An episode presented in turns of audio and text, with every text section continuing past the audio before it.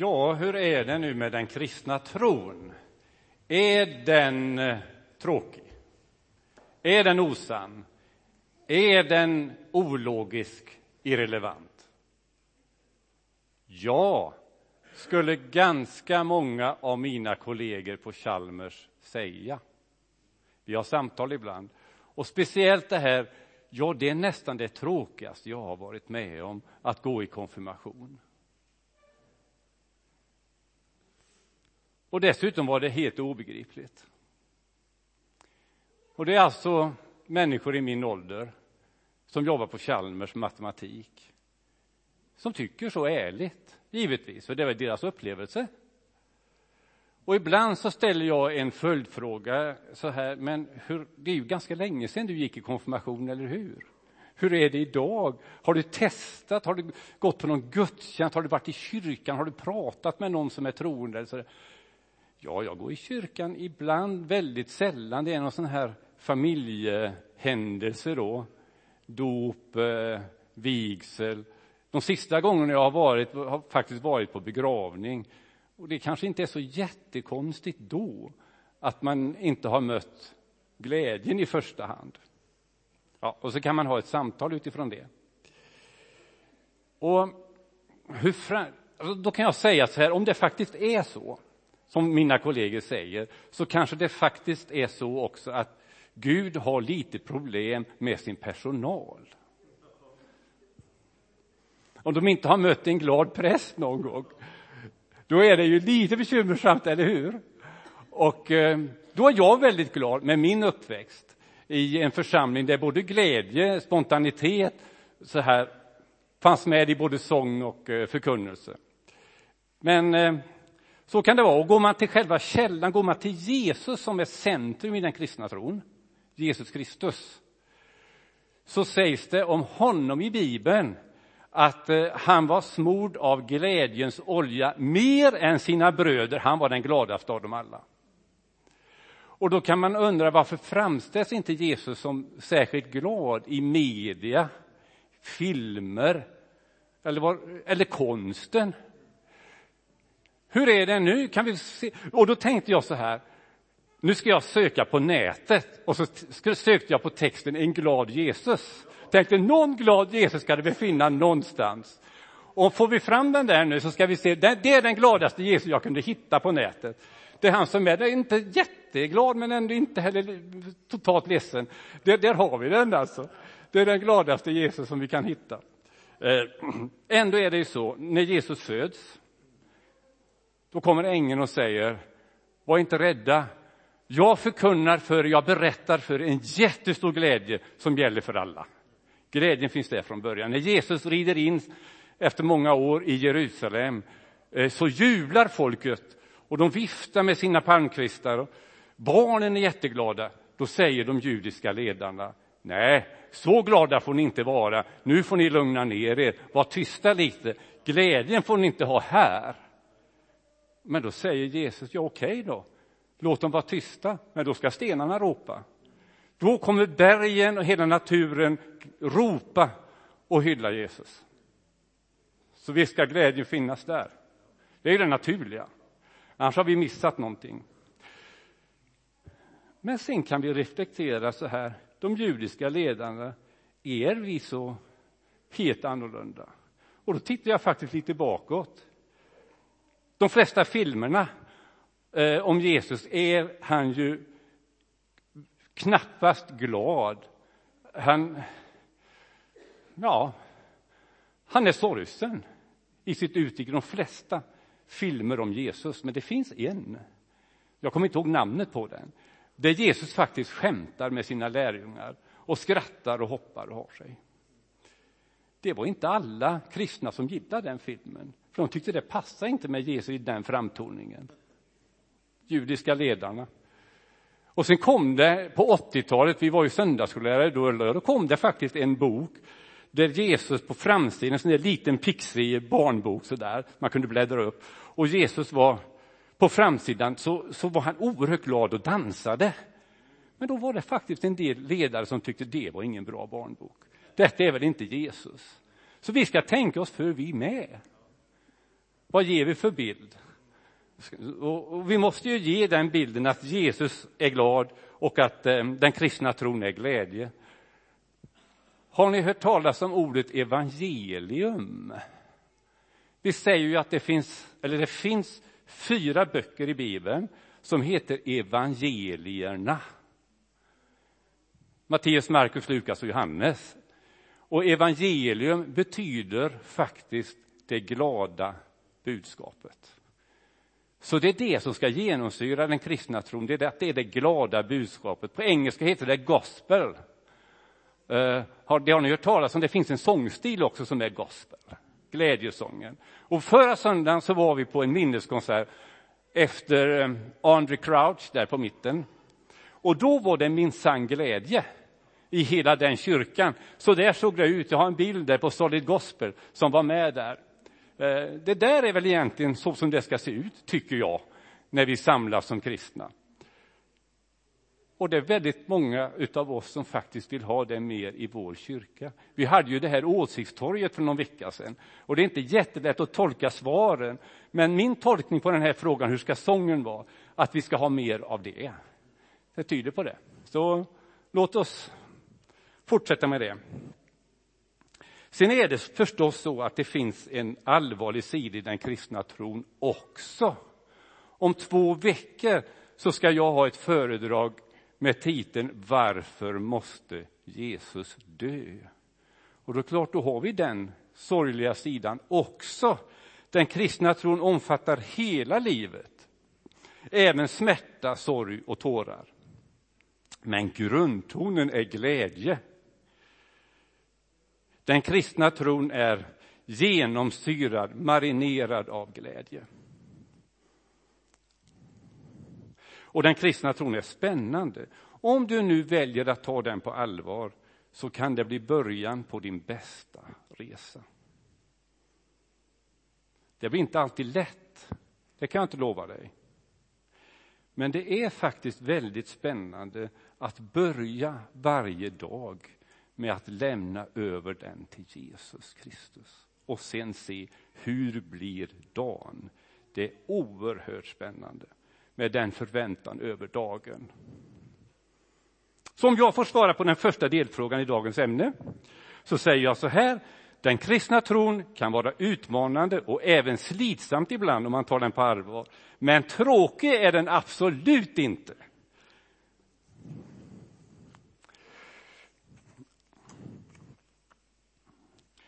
Osann då. Vi kan ta nästa bild kanske där. För jag tänkte börja med den här boken, av Stefan Einhorn. Vad heter den? De nya dödssynderna. Och dödssynder är ett begrepp, vi kan säga det, det är det som man i beteende hos andra tycker är det värsta beteendet, eller också hos sig själv. Eh, för att slippa gå in på det här begreppet synd mer, så säger vi att det är det. Hur vill vi att folk inte ska vara? Och när vi ser det så reagerar vi väldigt mycket. Vad är det som han vill lyfta fram, Stefan Einhorn, som det värsta av dessa beteenden eller attityder? Vad tror ni att det är? Ja, ni som har hört mig på alfabet, men eh, ni andra? Falskhet är det värsta. Att inte vara äkta, ärlig, sann. Det är det värsta. Om man märker det hos någon annan så tycker man nej, var så falsk. Och ibland så känner vi det i vårt eget liv. Vi var inte ärliga, vi var inte äkta. Och då, då är det inte bra. Så jag kan hålla med Stefan. Jag tror att han har fångat upp det helt riktigt. Att eh, falskheten, att inte vara ärlig, att förställa sig är det värsta. Och för mig som matematiker, Ingemar ville att jag skulle berätta lite vem jag är, men jag säger att jag jobbar med matematik på Chalmers, det räcker. Men för oss är det väldigt viktigt om ett uttalande, en sats eller vad det kan vara, är sann eller falsk. Det finns inget däremellan, inte i matematiken, inte i logiken. Det finns inga gråzoner där. Och då är Jesus väldigt anspråksfull. Han säger precis som Marianne sa här i inledningen, jag är vägen. Jag är sanningen. Jag är livet. Ingen kommer till Fadern, alltså Gud, utom genom mig. Och jag får ju säga att detta är en ganska besvärlig fråga eller uttalande i ett pluralistiskt samhälle. Vi är vana vid att man får tycka olika, man får vara olika och man får tro olika. Och jag tyckte också att detta var den svåraste frågan som jag fick i intervjun när eh, Thomas Simpson intervjuade mig för, för poddradion. Så ni kan gå och lyssna där på hur, hur jag försökte komma ur det här med någon form av svar.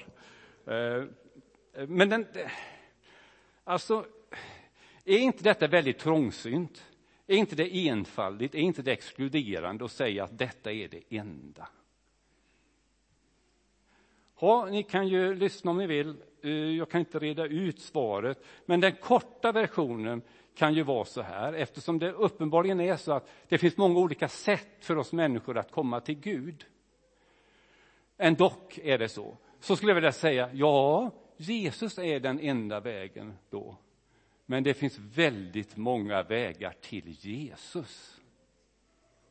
Det blir faktiskt kontentan av mitt svar på denna rätt så knepiga fråga. En sak är i alla fall säker, Marianne, och det var du inne på. Gud är inte exkluderande. Han vill faktiskt inkludera precis alla. Ingen får vara utanför. Gud vill att alla människor ska bli räddade och komma till kunskap om sanningen. Så var det. Så vi kan inte hävda att Gud är exkluderande egentligen.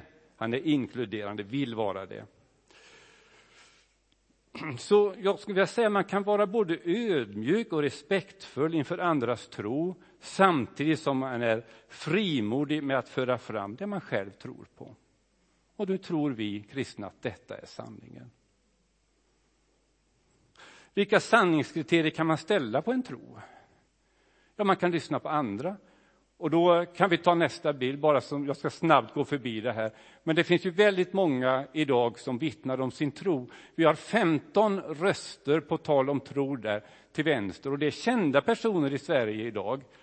Eh, det är alltså personer som finns eh, i media, journalister, det är politiker, samhällsarbetare, det är stora företagsledare, det är akademiker, det är alla möjliga som vittnar om sin kristna tro. Det här är kändisar. Den är väldigt intressant att läsa faktiskt. Men jag älskar ännu mer den till höger och den heter Människor som tror. Det är rätt anonyma människor. Eh, jag kände inte någon av dem innan jag började läsa. Men det är människor som du och jag, vanliga människor som har olika uppväxt, men som berättar hur de har kommit till tro. Och de säger väldigt många, nu har jag kommit hem. Nu känner jag att det är klart med det jag har längtat efter, eh, det jag har sökt i hela mitt liv. Nu är jag hemma. Nu kan jag slappna av. Okej, okay, nu är jag i sanningen. Ungefär så skulle man kunna kort uttrycka de här vittnesbörden. Men vad hjälper det dig och mig att läsa om det här? Jo, det, vi kan bli inspirerade, men vi måste ta det själva. Och jag kan egentligen inte förklara det här för er om ni inte själva väljer att eh, ta det på allvar, testa, pröva, fundera, gå alfakurs och så. Det är väldigt bra eh, tillfälle att eh, fundera över just det här för egen del. Jag har en grej här.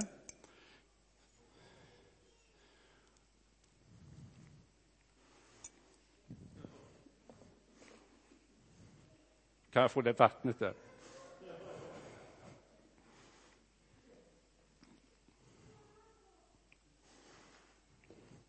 Tack, tack, tack. tack. Mm. Jag kan beskriva det här som jag har ätit nu. Jag kan säga, ja det verkar vara vegetariskt, tror jag det är. Ja, det måste det vara. Ganska fett är det, eh, en konsistens som är liksom smetig pasta. Men samtidigt blir det torrt. Väldigt torrt är det faktiskt. Och lite oljigt, lite fett, lite salt och så.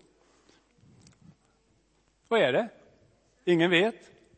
Ja, ni kan gissa. Men jag kan ge varudeklaration, jag kan ge teorin då. Då måste ni klara det. Det är 58 procent fett, det är 21 procent protein, det är 11 procent kolhydrater, det är 7 procent fiber och det är 0,6 procent salt. Vad är det?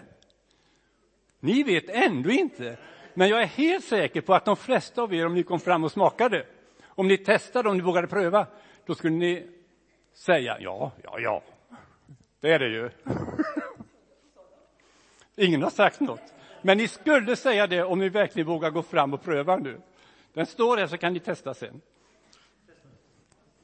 Men torrt var det. Ja!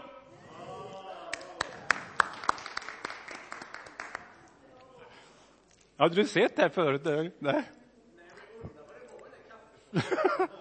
Du, men du har sett det, då är det lite hjälp. Ja, ja. Okej, okay, seriösa då. Eh, vad är sanning? Pröva och se, smaka och se att Gud är god, står det i Bibeln. Och eh, jag rekommenderar er faktiskt att testa. Då kanske ni inte tycker om det första gången. Men då säger min fru Bamba, hon är ju lärare, om barnen inte tycker om en maträtt första gången, så säger hon, nej men ni måste smaka åtta, tio gånger, så då, då vet ni om ni tycker om det. Så det är ju bra med en alfakurs. Den går väl över tio, tolv gånger. Och sen till slut så vet man då om man tycker om det eller inte. Så att, eh, ge det en chans, det skulle jag vilja säga. Testa om den kristna tron ger mervärde, om det är en plusfaktor i livet. Det får ni pröva själva nu. Och sen är det ju, att brottas med det här är viktigt. Eh, det var faktiskt väldigt härligt att höra Astrid Lindgren i en intervju hon säger hon berättar om att hon hade en barnatro, hon kom bort ifrån den, men i väldigt mogen ålder så börjar hon faktiskt reflektera och då säger hon att jag har börjat tvivla på mitt tvivel. Härlig reaktion. Det är inte dumt. När tidigare finansministern Anders Borg konstaterar inför TV, i en tv-intervju att ja, jag måste erkänna att jag ber. Alltså får jag väl säga att jag är kristen då. Jag tycker det är härligt med sådana här människor som tar det på allvar och erkänner och prövar. Unga människor idag är trötta på falskhet och söker äkthet och sanning. Vet ni vad, vad, man googlar mest på? Jag har inte fått statistiken för 2014, men jag fick den för 2013. Och det som har ökat mest med frågor på, på Google då, eller andra sökmotorer är eh, hur dejtar man på riktigt? Om man inte vill bara ha för en kväll, utan man vill ha en, ett seriöst förhållande, hur dejtar man då? Den andra, hur ber man till Gud? Kan ni tänka er att det är detta som människor söker? Jag antar att det är flest unga människor som googlar. För detta, detta blir så underbart för mig egentligen.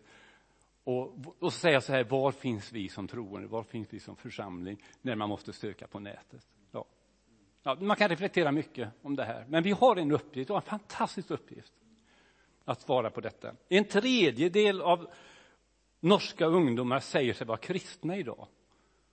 Kanske kristna på ett litet annat sätt än att vara aktiva kyrkobesökare. Men de längtar efter någonting. Och detta är i de länder som sägs vara mest sekulariserade i världen. Sekulariserad betyder att avskild från tro och, så då, att tron inte har någon betydelse. En tredjedel av norska ungdomar säger sig vara troende kristna idag. Det här är spännande. Som jag får svara på den andra delfrågan Eh, så verkar det som många människor som söker äkthet och sanning finner det i den kristna tron. Den kristna tron sann. Ni vet att det, det, det är svårt, men jag vill säga så mycket om det här. Men nu har vi den sista då, irrelevant och ologisk. Vi kan ta, ja, jag brukar ju nämna det här för att om man nu ska tala om logik så kanske man ska gå till logikerna. En professor i, i filosofi har jag här. Anthony Flew heter han. Han lever inte längre. Eh, ni ser den här boken som är längst till höger upp där. Där är han ung då. Och då skriver han den här boken, eh, Ateistisk humanism heter den. Och det är ju, eh, humanist är ju fint att vara, men eh, väldigt många av de här humanisterna finns i Sverige också, hävdar då att det skulle vara ologiskt irrelevant att vara troende. Och det hävdade han då, Anthony Flow. Och så skrev man den här som har varit en en grundkursbok, en, en, nästan som en bibel för de här otroende humanisterna i, i många, många år. Men sen kommer han också att fundera, när han är i min ålder ungefär, är detta rimligt? Är detta logiskt? Att tänka så här, är det faktiskt relevant? Att säga att det inte finns någon Gud.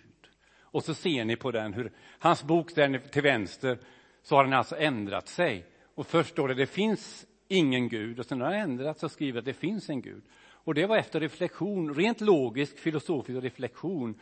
Och om man läser boken så finns det fem olika skäl för det här, att han ändrade sig och hävdade, ja, det måste vara sant ändå att det finns en Gud. Och nu kan jag inte gå igenom alla de fem skälen, men det viktigaste är kanske det kosmiska argumentet att allting är så välordnat i skapelsen. Och det andra är det moraliska argumentet, och det vänder han på den här frågan som jag tror att ni alla har hört. Hur kan det, hur kan det finnas en allsmäktig, god Gud när det finns så mycket ondska i världen? Ja, det är ju en relevant fråga. Vi får fundera på det. Men han vänder på det och säger, hur kan det finnas något gott överhuvudtaget i denna världen om det inte finns en god kraft, en god Gud? Och så kommer han fram till att det är nog det mest logiska ändå. Det är nog det mest relevanta att tänka så. Ja.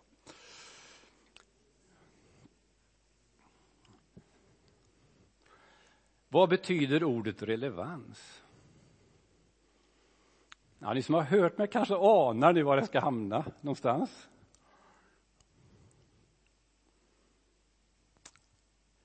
Mm, ja, ni, jag, jag, tror ni förstår vad man menar med ordet, men vad kommer det om man eh, analyserar ordet? Rö betyder ju tillbaka eller åter. Då. Och levans, det är samma ord som level, alltså nivå på engelska. Så det är att något som har varit på en låg nivå hamnar på en högre nivå Eh, och det var ett begrepp som först användes i den akademiska världen när ett ämne inte var intressant, angeläget längre. Då sa man att nu är det irrelevant. Men sen kunde man komma tillbaka, det ändras, samhället ändrade sig, tiderna ändrades och det här ämnet blev intressant att studera igen. Eh, då fick det ämnet relevans. Det kom upp på en nivå att vara av intresse igen. Och det är faktiskt det som händer idag i Sverige att den kristna tron blir mer och mer relevant. Eh, Elisabeth Sandlund är eh, opinionsredaktör eh, på en kristen tidning som heter Dagen. Och om man ska fråga någon hur läget är opinionsmässigt när det gäller kristendomen i vårt land så tror jag man ska fråga henne. Och hon säger hela tiden det pågår en påkristning i vårt land. Den kristna tron blir mer relevant dag för dag, år för år. Och jag träffade henne inte för så länge sedan och då satt vi och pratade vid ett, eh, ett, ett, eh, ett bord. Och det var fler med, bland annat var också Per Eriksson som är rektor för eh, Lunds universitet. Och han var oerhört ifrågasatt när han skulle bli rektor, för han hade ju någon slags bakgrund i frikyrka. Det, då kan man inte vara rektor. Men idag så är han oerhört respekterad. Och han säger så här, det har hänt något på de här åtta åren. Attityden har förändrats. Den kristna tron har blivit relevant. Och ni vet vad som hände med Elisabeth Svantesson när hon skulle bli arbetsmarknadsminister i förra regeringen. Då var det också väldigt konstigt att hon var kristen. Men idag är hon högt respekterad. Alice Bah Kuhnke, samma sak. Eh, så jag skulle vilja hävda, och jag tror att det är så, jag önskar att det är så här nu. Eh, det ligger en bibel på golvet där. Eh, och det, det här har vi inte arrangerat. Absolut inte, det bara är där. Och eh, det stämmer inte. Den nivån befinner sig inte den kristna tron idag. Utan det har blivit en relevans upp i nivå. Så nu kommer jag flytta upp den bibeln hit så har ni fått det symboliskt, det som gäller idag för den kristna tron. Den är relevant och i ökad relevans.